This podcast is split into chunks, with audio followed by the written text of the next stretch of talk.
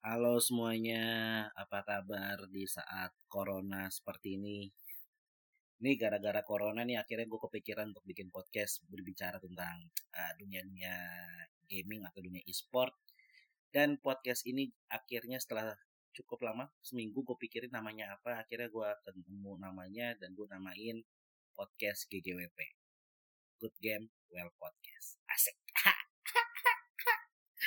ya, uh, jadi di podcast ini gue bakal lebih banyak ngobrolin tentang dunia e-sport uh, gaming ya. Ah, ini nih, ini gue sebenarnya gue pengen nanya. Sebenarnya penyebutannya e-sport apa e-gaming? Karena kalau di Indonesia kan kita lebih suka familiar uh, mendengarnya kompetisi e-sport, kompetisi e-sport.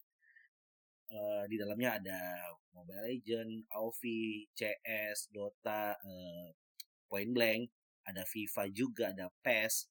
Uh, padahal menurut gua harusnya itu menjadi dua hal yang berbeda ya.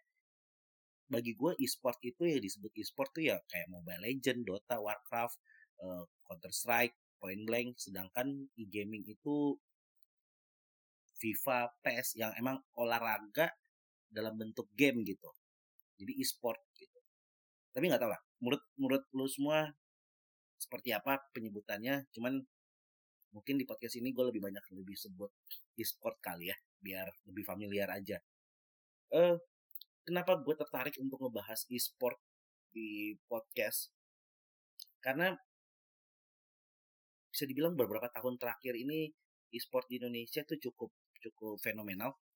Bahkan sampai ada piala presidennya yang biasa dulu piala presiden tuh cuma di bola mungkin di basket ini sekarang di gaming.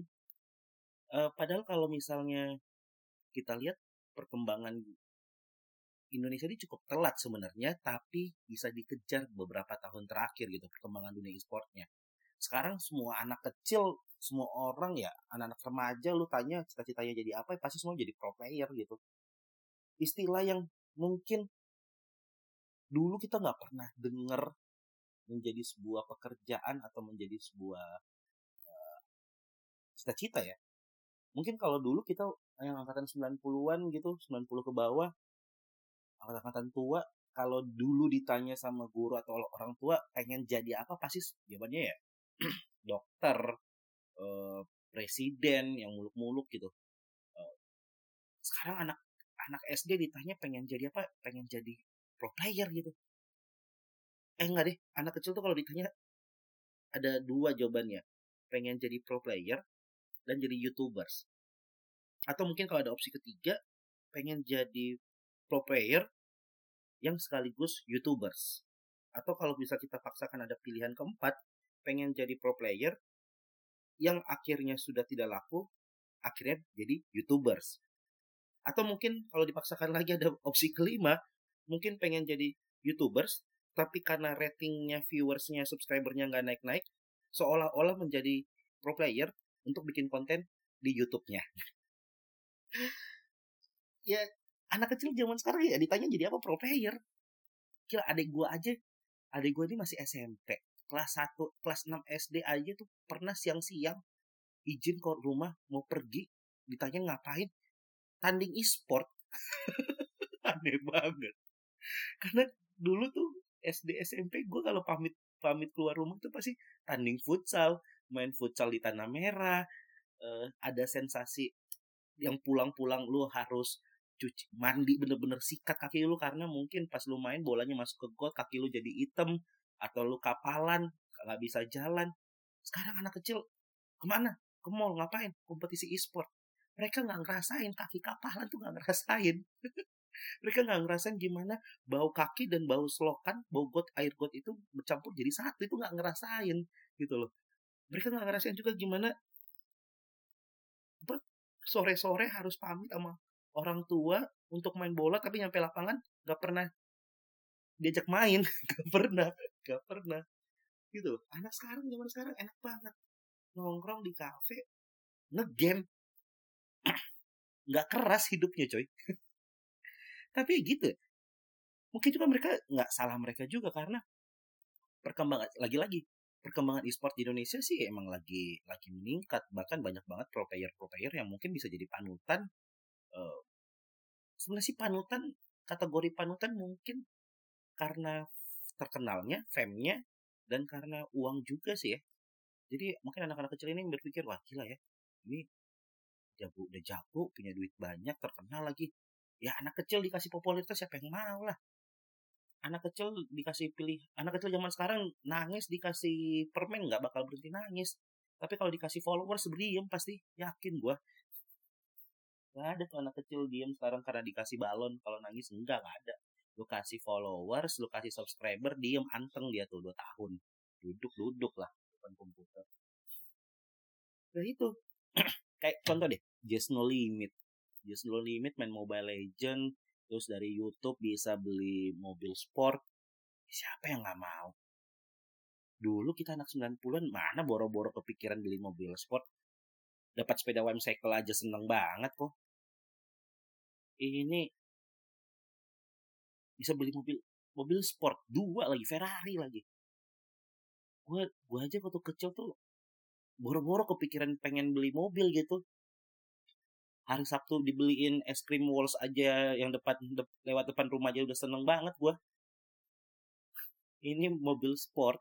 Ya, tapi uh, itu jadi menarik. Terus contoh lagi siapa lagi? Uh, pemainnya Bigetron PUBG bagus bagas. Itu awal-awal PUBG kompetisi PUBG awal-awal mulai tuh gue sempet ngemsiin tuh style mereka tuh ya biasa aja. Kayak anak-anak sekolah pada umumnya cabut sekolah terus tiba-tiba main game tapi sekarang lihat setelah mereka juara juara juara dan juara stylish banget ceweknya cantik masih SMA tapi ceweknya udah cantik sepatunya mahal. Itu gue yakin sepatunya bagus sama bagus tuh kalau nilainya harganya kalau digabungin harganya itu bisa bayar SPP 10 sampai 12 orang kali. Itu tiga bulan juga bisa kebayar itu gue yakin mahal sepatu mahal. Bajunya mahal sepatunya mahal. Anak ukuran SMP SMA sekarang gara-gara e-sport bisa seperti itu. Siapa yang nggak tergiur? Siapa anak-anak kecil? Anak kecil tuh udah gak butuh lagi kantong Doraemon. Anak kecil tuh lebih butuh kuota main Mobile Legend jadi juara udah gitu loh. Lu ceritain tentang Doraemon mah bagi mereka tuh tahayul tapi kalau menang dari Mobile Legend itulah impian tapi menarik sih misalnya ya, ya gitu sih. Padahal ya kalau kita tarik ke belakang eh, dan yang gue tahu juga yang gue sempat baca-baca dan gue ngobrol-ngobrol sama beberapa orang Indonesia ini termasuk yang tadi gue bilang termasuk telat gitu. Perkembangan e-sportnya telat.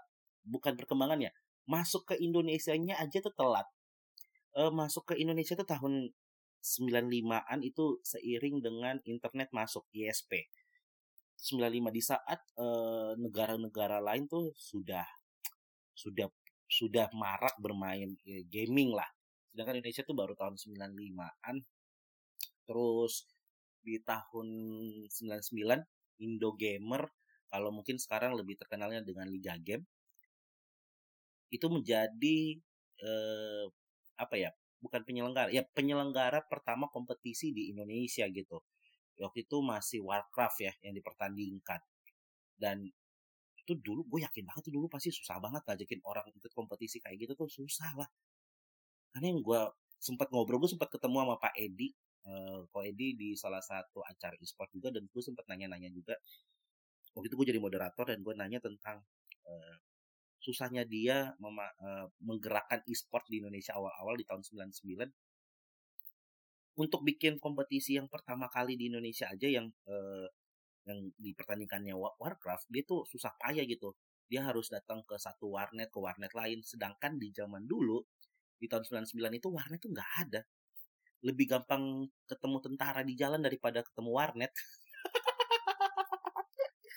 Dan ketika dia datang ke warnet tuh dia harus jelasin jelasin lama panjang gitu tentang dia, dia mau bikin apa? Ini ada kompetisi. Uh, nanti ada hadiahnya. Susah gitu. Pasti gue ya gue sih kebayang banget. Dari kafe dari warnet ke warnet harus ngejelasin. Mungkin orang lebih lebih tertarik masuk PKI daripada ikut kompetisi ya di zaman itu kali tahun 99 kan pasti susah banget. Apaan sih ikut kompetisi Warcraft? Emang ada duitnya? Mending jadi petani gue di 1999 dan itu gue sih respect ya sama Pak e, sama Liga Game lah sama Pak Edio. Karena tuh 99 tuh lagi transisinya Pak Soeharto turun ya.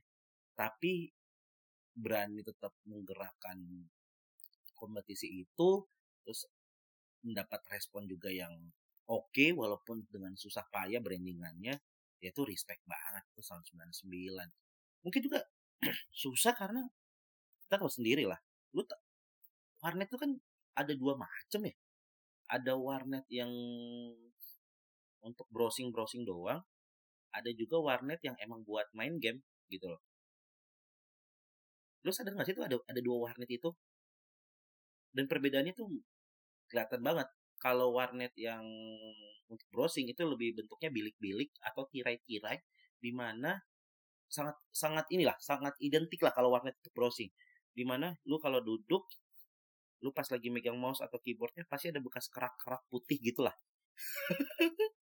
Atau lu kalau masuk ke billing masuk ke udah masukin ID kan tuh paket biasa dua setengah jam eh, 2.500 per jam 4.000 dua jam pas lu masuk tuh bakal ada bekas download download um, apa ya lalats.com lalats lalats xxx ya kalau nggak salah ya itu udah nggak ada kali ya sekarang ya. Itulah pokoknya bekas atau mungkin yang ciri khasnya lagi adalah ketika lu uh, lagi browsing browsing di warnet gitu warnet yang khusus browsing tuh mungkin ada suara-suara suara-suara orang yang pengen cipokan tapi takut di rumah makanya memilih warnet. Ya karena dulu bioskop belum terlalu familiar mungkin ya. Kalau mereka tahu bahwa ada yang tempat yang lebih aman daripada warnet ya mungkin mereka lebih milih bioskop ya. Cuman tahun itu belum belum belum terlalu ini kali ya belum terlalu eh, marak lah bioskop bioskop terus ada yang kedua dari warnet gaming lah. Tapi dari kedua dua jenis warnet ini yang paling apa ya paling sama ya dulu sih pasti anak-anak 90 pasti ngerasain ya lo sangat ikonik banget lah. Gambar lumba-lumba dolphin itu tuh sangat legend lah. Buat lo semua yang sering ke warnet pasti sangat familiar dengan gambar lumba-lumba di laut. Itu adalah kayak gapura selamat datang di warnet lah. Pasti lo kalau mau masukin ID dan password untuk uh, member atau mungkin langsung masuk yang reguler lo pasti ngeliat gambar itulah uh, ya itu tahun 99 terus setelah itu Liga Game juga termasuk uh, termasuk yang pertama nyelenggarain kompetisi e-sport bertaraf internasional. Hmm, WCG, WCG, ya WCG, WCG di tahun 2002. Itu tuh gamenya yang diperlombakan atau dipertandingkan tuh udah cukup banyak. Ada Counter Strike, uh, ada Counter Strike, ada FIFA World Cup 2002 karena waktu itu bertepatan juga dengan uh, Piala Dunia yang di Korea sama Jepang kan. Terus Warcraft masih Warcraft masih ada kalau nggak salah. Pokoknya ada lima game lah yang dipertandingkan di WCG di tahun 2002. Akhirnya dari situ ya puncaknya sih mungkin di 2006 2003 ya. E-sport sangat-sangat meledak itu pada saat Ragnarok masuk. RO RO RO masuk di Indonesia. Pada main RO gak sih? Yang anak 90-an kalau gue pribadi RO itu game pertama gue game online pertama yang gue mainin. Iya itu kelas 6 SD gue jadi jadi gini. Eh gue itu gue aja pertama kali kenal warnet itu tahun ya kelas 6 SD gue nggak tahu ya gue nggak tahu. Apakah itu termasuk yang telat atau malah kecepatan mengenal namanya pergaulan di warnet gue nggak tahu. Tapi setahu gue gue itu kan pindahan dari Makassar gue tuh kelas 1 sampai dari dari lahir sampai kelas 5 SD tuh gue di Makassar. Eh di Makassar tuh lebih banyak warnet-warnet browsing. Dulu juga masih mahal yang masih dengan komputer kotak-kotak gitu. Terus lebih banyak rental PS yang ya pasti lah lebih banyak rental PS di mana lu bisa main CTR, uh, WW, uh, WWE, ya Smackdown, terus atau winning eleven di mana semua orang kalau memakai Real Madrid eh, Brasil itu pasti di menit-menit terakhir menggunakan Roberto Carlos yang awalnya adalah posisi uh, back menjadi seorang striker. Atau mungkin tendangan-tendangan bebasnya pasti Roberto Carlos yang yang menjadi eksekutornya. Tapi kangen sih gue juga apa masa-masa rental PS tuh kalau kalah stick yang disalahin kadang-kadang sampai bawa stick dari rumah sendiri bawa memory card sendiri. Nah waktu di Makassar tuh gue tuh yang main rental yang main rental PS karena gue termasuk di, yang nggak dikasih fasilitas game di rumah. Jadi di saat teman gue udah masuk ke PS2 tuh gue malah belum punya sama sekali gitu malah ketika PS2 nya yang udah versi tipis gue baru punya PS1 jadi udah jauh banget gitu. Eh gue pernah punya deh konsol game gitu cuman kalau dulu kan sebelum PS kan Nintendo ya? Ah Nintendo. Nah gue tuh kayak yang KW-nya gitu. Lu ngerti gak sih maksudnya? Kalau kayak sepatu kan eh, Adidas jadi Ad, Adadis terus kalau Nike Nike terus jadi naik.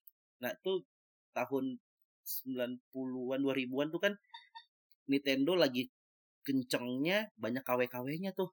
Nah yang dibeli sama orang tua gue tuh mainnya Mario Bros segala macam yang satu hari tiga hari rusak.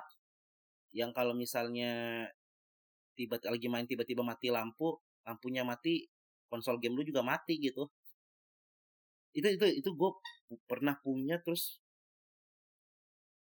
habis itu rusak nggak pernah gue punya lagi. Habis itu ya udah mainnya di warnet atau rumah eh warnet lagi rental PS atau rumah teman-teman gue gitu. Jadi gue nggak pernah tahu tuh yang namanya warnet tuh gue nggak pernah warnet gaming gue nggak tahu. Sampai akhirnya di kelas gue pindah ke Jakarta eh, ke Bekasi. Gue masuk sekolah negeri di dekat-dekat rumah gue eh, karena waktu itu susah masuk ke sekolah-sekolah negeri yang lain karena gue tanggung banget gitu cuma setahun doang buat ngejar kelulusan. Nah di sekolah negeri itu kan ada pelajaran agama Islam kan di mana kalau pelajaran agama Islam yang beragama Kristen maupun apa non Muslim lah ya itu kan tidak wajib untuk mengikuti pelajaran. Jadi boleh dalam kelas boleh keluar juga. Harusnya itu nggak boleh keluar lingkungan sekolah tapi karena waktu itu gua anak baru gua diajak sama teman-teman gua yang non muslim juga untuk ke warnet. Di situlah gua pertama kali main RO harusnya sih gue juga nggak masalah sebenarnya pada waktu itu. Mau tetap di kelas juga gue nggak masalah. Karena gue yakin mau gue belajar. Karena kebetulan kakek gue juga muslim kan? Kakek gue juga muslim. Jadi kalau gue belajar juga di kelas tentang agama Islam juga menurut gue nggak masalah. Iman gue juga nggak bakal goyang. Tapi menurut gue pada waktu itu gue kenal warnet mau itu pelajaran agama Islam atau pelajaran agama Kristen gue bakal memilih untuk keluar dan ke warnet. Serius. Karena bagi gue waktu itu konsep teknologi gaming e-sport itu lebih menarik daripada gue mempelajari konsep ketuhanan. Ya menarik lah bagi anak perantau gitu. Belum pernah kena kenal gaming. Tiba-tiba dikasih warnet siapa yang gak kecanduan ya sama aja kayak anak SD dikasih cipokan siapa juga yang ketagihan minta nambah terus. Ya itu gue gue main RO di situ tuh. Uh, harus pilih job lu mau jadi archer jadi magician. Magician lu harus pilih dulu. Dan waktu itu tuh image-nya e-sport tuh belum kayak sekarang gitu. Ya walaupun sekarang masih ada anggapan miring lah e-sport itu negatif uh, bikin orang malas belajar uh, gak ada manfaatnya ya dan lain-lain lah orang tua lah. Tapi itu menurut gue oknum sih karena nggak semua. Karena buktinya kita juga bisa berhasil dari e-sport gitu. Ya kayak just no limit dan lain-lain lah tadi gue bilang di awal. Jadi itu sebenarnya oknum aja yang bikin jadi kelihatannya negatif di mata orang tua dan itu jadi PR kita juga semuanya semua pelaku untuk membuat uh, sudut pandang orang tua terhadap e-sport ini tidak miring lagi gitu. Padahal kalau misalnya dibilang banyak banget loh manfaat-manfaat dari bermain game juga kalau menurut gue banyak orang anak kecil yang bela pinter belajar bahasa Inggris tuh karena game. Karena pada saat dia main game dia nggak tahu itu artinya apa dia buka kamus dan akhirnya sambil belajar dan bermain gua sendiri pun pada akhirnya setelah udah mulai masuk SMA tuh baru sadar loh main RO itu banyak manfaatnya. Karena di RO waktu itu gue tuh bisa belajar jadi entrepreneur muda gitu loh. Bayang kelas 6 SD ini kan gini kalau di RO kan lu kalau dapat barang terus item-itemnya terus itemnya langka lu bisa jual ke orang e, secara langsung. Maksudnya jualnya secara, bukan dalam dunia maya tapi dunia nyata. Dan harganya kan tuh ratusan ribu dulu lo kan udah bisa belajar negosiasi belajar jual beli barang bisa belajar jadi entrepreneur pengusaha lah. Lu main game ngumpulin item-item langka atau mungkin pakai voucher itu bisa dianggap kita sebagai modal. Lu dapat itemnya eh, levelnya tinggi lu bisa jual ke orang dan keuntungannya dua kali lipat. Jadi e-sport tuh nggak selamanya negatif. Terus kayak main apa? Gue juga pernah main game Ayo Dance ya kan?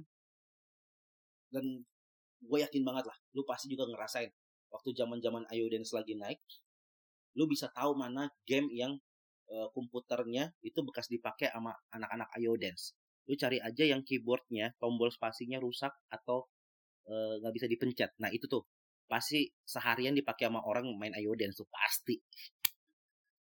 Banyak warnet rusak keyboardnya tuh gara-gara main Ayo Dance tuh tapi di Ayo Dance juga lu bisa ngerasakan sensasi nikah muda loh di Ayo Dance.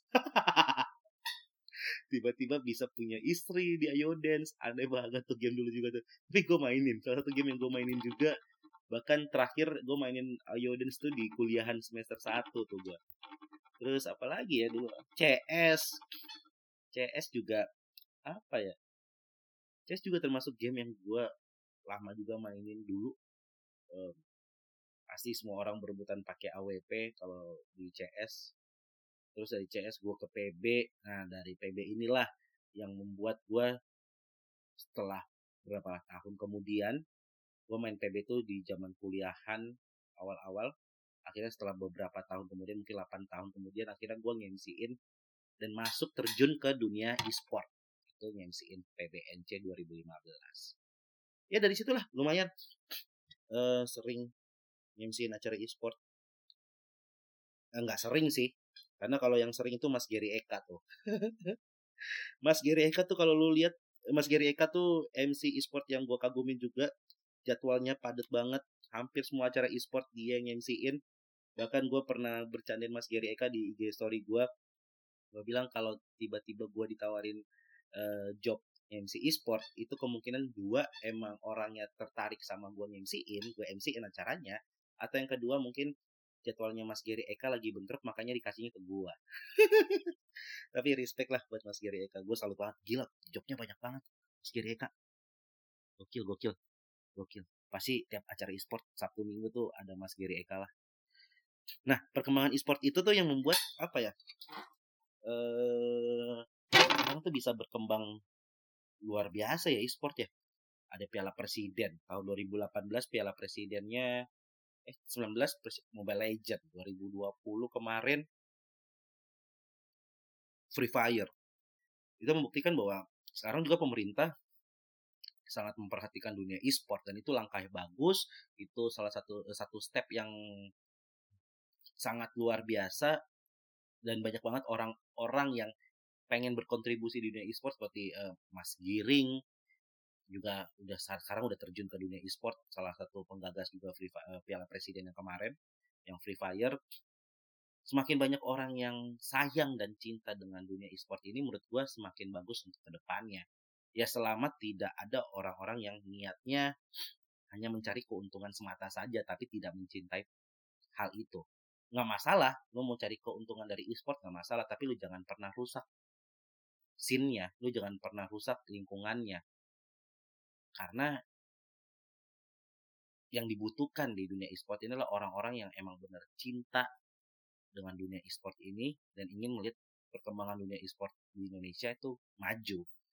Karena beberapa komentar tim-tim luar datang ke Indonesia tuh mereka cukup kagum loh di Indonesia tuh kita bisa bermain game tuh di mana aja di pinggir jalan di warkop apalagi udah ada mulai game-game di handphone kan warnet juga banyak banget lu bisa menginap di warnet paket Indomie beli siomay 5000 makan buat tiga kali minumnya Coca-Cola aqua gelas dua seharian lu bisa lah bisa ngelakuin itu warnet di Indonesia banyak banget sedangkan mungkin di luar negeri terbatas kali ya ya itu menurut gua dengan terlibatnya pemerintah bahkan sekarang e-sport udah masuk juga ke SEA Games dan Asia Games itu menurut gua langkah yang bagus banget sih.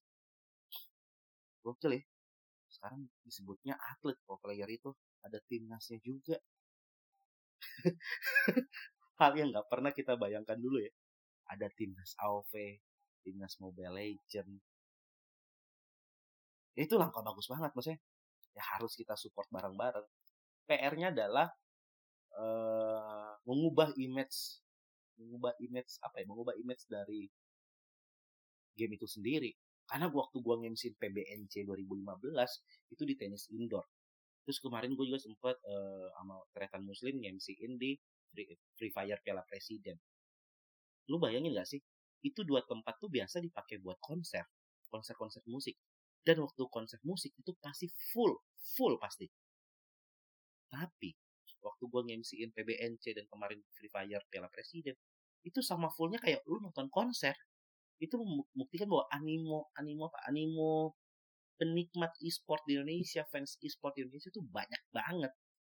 Mereka tuh rela datang dari berbagai kota datang untuk nonton dan dukung timnya ya kayak sepak bola aja. Dan itu pengalaman yang mungkin bagi gue nggak bisa gue lupain pribadi deh. 2015 tuh gue ngemsiin ngemsi e-sport pertama kali PBNC di tenis indoor itu barengan sama PBIC itu waktu itu eh, PB baru pindah dari game school ke Garena. Kalau sekarang kan di Sepeto waktu itu Garena dengan tagline aku main bersih membuat PBNC PBIC kompetisi besar banget di tenis indoor. Gue bisa ngeliat lima hampir 8 ribu orang. Lima ribu eh lima ribuan lima sampai delapan ribu orang tuh penuh banget di tenis indoor. Tiga hari berturut-turut bayangin. Makanya waktu itu gue sampai bilang di panggung uh, kalau bisa nih tanggal tanggal waktu itu waktu gue ngemsin PBNC itu merupakan jadi hari libur warnet senasional. Karena gue yakin banget itu semua kayak anak-anak warnet se Indonesia tuh datang terus pasti warnet pada sepi. Jadi cocok tuh jadi hari warnet hari libur warnet senasional tuh. Itu bisa membuktikan bahwa dan hadiahnya 1 M loh waktu itu 1 M. Dan dari situ gue kenal beberapa pemain yang gue tanya duitnya ke mana ada yang sampai oleh tuh uh, umrohin orang tuanya loh. Oleh. Ada namanya uh, oleh Magic oleh Ras. Itu pemain point blank sempat di Guardian Force juga GF juga. Uh, eh, PG Barak pernah terakhir. Itu naik apa bawa orang tuanya umroh. Itu sih menurut gue gokil banget. Dulu kita ngabisin mungkin ya itu pada saat kita main dulu itu latihan ya itu modal kita terus pas sudah menang lo bisa bisa dapat uang banyak dari hasil kerja keras lo walaupun memang nggak gampang ya jadi pro player latihan setiap hari 5 sampai 6 jam. Latihan strategi segala macem. Ya memang harus ada yang dibayar sih. Harus ada harga yang dibayar untuk mendapatkan gelar juara. Itu itu gokil sih. Eh, waktu Piala Presiden juga kemarin SBSD juga rame banget. Ya tinggal bagaimana orang tua bisa melihat itu bahwa ada sisi positifnya. Yang gue nggak suka adalah ketika anaknya belum menghasilkan apa-apa anaknya pengen jadi pro player dimarahin. Tapi pas anaknya jadi juara dipuji-puji anaknya bahkan bilang oh ini passion kamu. Tai lah fuck lah. Iya, jangan sampai dulu kalau pas anaknya belum jadi apa-apa masih main game dibilang ngapain kamu main game mulu, sana belajar. Pas anaknya bawa pulang satu miliar, besoknya bilang kamu ngapain belajar mulu, sana main game. Ya, jangan dong. Ya harus didukung dari awal gitu. Jangan sampai pada saat anak lu udah jadi pro player beneran, lu baru bilang ini passion. Ah, fuck lah. Enggak lah. Enggak lah. Maksud gue, kalau lu kita, gue juga belajar belajar seperti itu sih jadi kakak kakak bagi adik-adik gue yang masih kecil dan suka main game ini ya kalau gue ngerasa mereka punya bakat ya gue dukung gitu tapi kalau emang kita rasa bukan bakatnya di situ. Ya biarin aja mereka bermain tinggal kita kasih tahu dan kita arahin. Bukan ngejudge atau menghakimi sih kalau menurut gue karena ya namanya era digital seperti sekarang ya kayak corona inilah. Menurut gue di saat usaha-usaha yang lain mati menurut gue gaming tetap berjalan dengan baik loh malah ketika ada orang semua pakai di rumah aja menurut gua pasti orang jadi bermain game lebih banyak bermain game atau nonton ya dan salah satunya gaming. Gue nggak lihat tuh perusahaan-perusahaan game di Indonesia kayak keluh kesah kayak ya mungkin terganggu iya terganggu iya tapi berpengaruh banget enggak. Ya palingan event-event apa acara-acara yang yang kayak misalnya taman anggrek tenis indoor yang batal ya ya itu pasti pengaruhnya di situ. Cuman kalau secara grafik orang jadi bermain gamenya lebih intens ya pasti sih berpengaruh banget gara-gara corona ini ya jadi ya harus kita dukung sih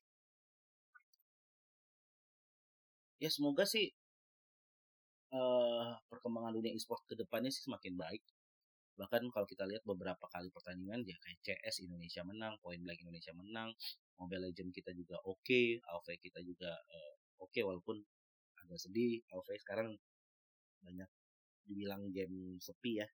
ya cuman apa pun game itu selama itu bisa membawa harum nama Indonesia menurut gue kita harus support kita juga harus support bareng-bareng uh, lingkungan apa ya industri e-sport ini. Bahkan menurut gue industri e-sport tuh nggak cuman ini kali kalau lu berpikir oh jadi pro player biar sport Indonesia maju ya bener. Cuman banyak banyak banyak apa ya posisi lainnya juga. Lo bisa jadi caster lo bisa bentuk io yang khusus gaming atau lo bisa masuk bekerja di perusahaan-perusahaan publisher gaming kayak uh, Garena apa Munton Munton terus bisa masuk ke liga game juga kerja di liga game ya banyak lah. Kayak gua mungkin jadi host jadi caster kayak Mas Gary Eka juga ada Volva di caster dan lain-lain sih.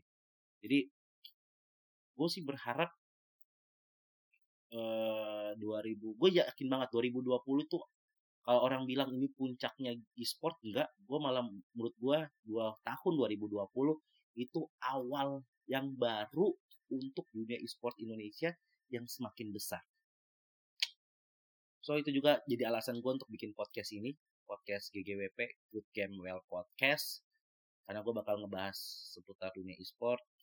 Gue nggak bakal sendiri juga. Sekali gue bakal uh, ngajak ngobrol beberapa pelaku e-sport mungkin dari uh, dari publishernya, dari IO-nya, mungkin dari yang uh, brand-brand yang sponsorin, mungkin dari caster, player, cosplayer, MC atau siapa pun itu yang berada di industri e-sport e-sport itu sendiri biar kita sama-sama uh, bisa membangun e-sport di Indonesia lebih baik sih. Kalau gitu, hmm, thanks banget buat kalian nih udah lumayan 30 menitan gue ngomong di episode pertama gue sebenarnya nggak tahu mau ngomong apa tapi ya udah uh, ya mungkin di episode kedua gue bakal ngobrol dengan salah satu pro player dari Point Blank yang tadi gue udah sebut juga namanya gue bakal bahas tentang dikaliku dia selama di dunia e-sport. Gitu aja.